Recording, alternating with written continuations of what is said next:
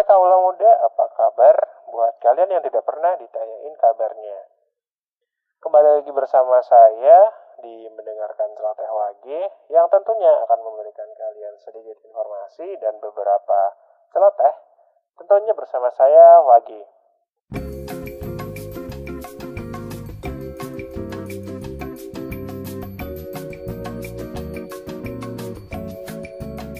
Ceritanya lagi di lampu merah, crossroad kalau kata orang bule. Lampu lalu lintas masih merah nih. Baru mau kuning. Kedip-kedip. Baru mau kuning tuh. Nyaringnya suara klakson sudah terdengar terutama dari barisan belakang.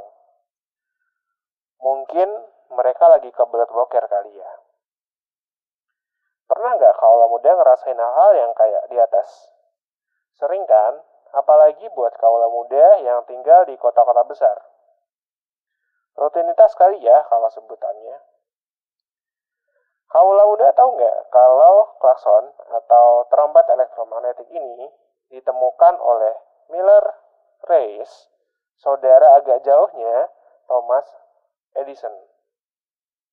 Klakson pertama kali diterapkan di mobil pada tahun 1908 Cara kerja klakson elektrik dengan arus DC di motor atau mobil adalah klakson berbunyi jika ada arus yang mengalir pada kumparan yang terdapat pada klakson.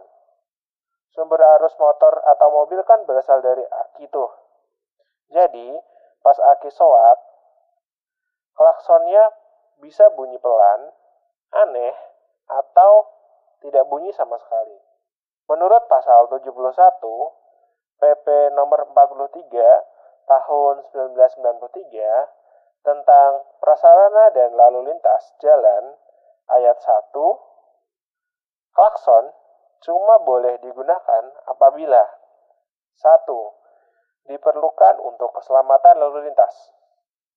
Yang kedua, melewati kendaraan lain.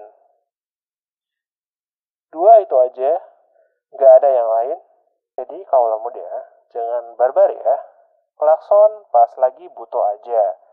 Jangan diklakson kalau baru lampu kuning atau baru lampu hijau satu detik. Kalau nggak sabar, silahkan naik pesawat saja. Nama saya Wage dan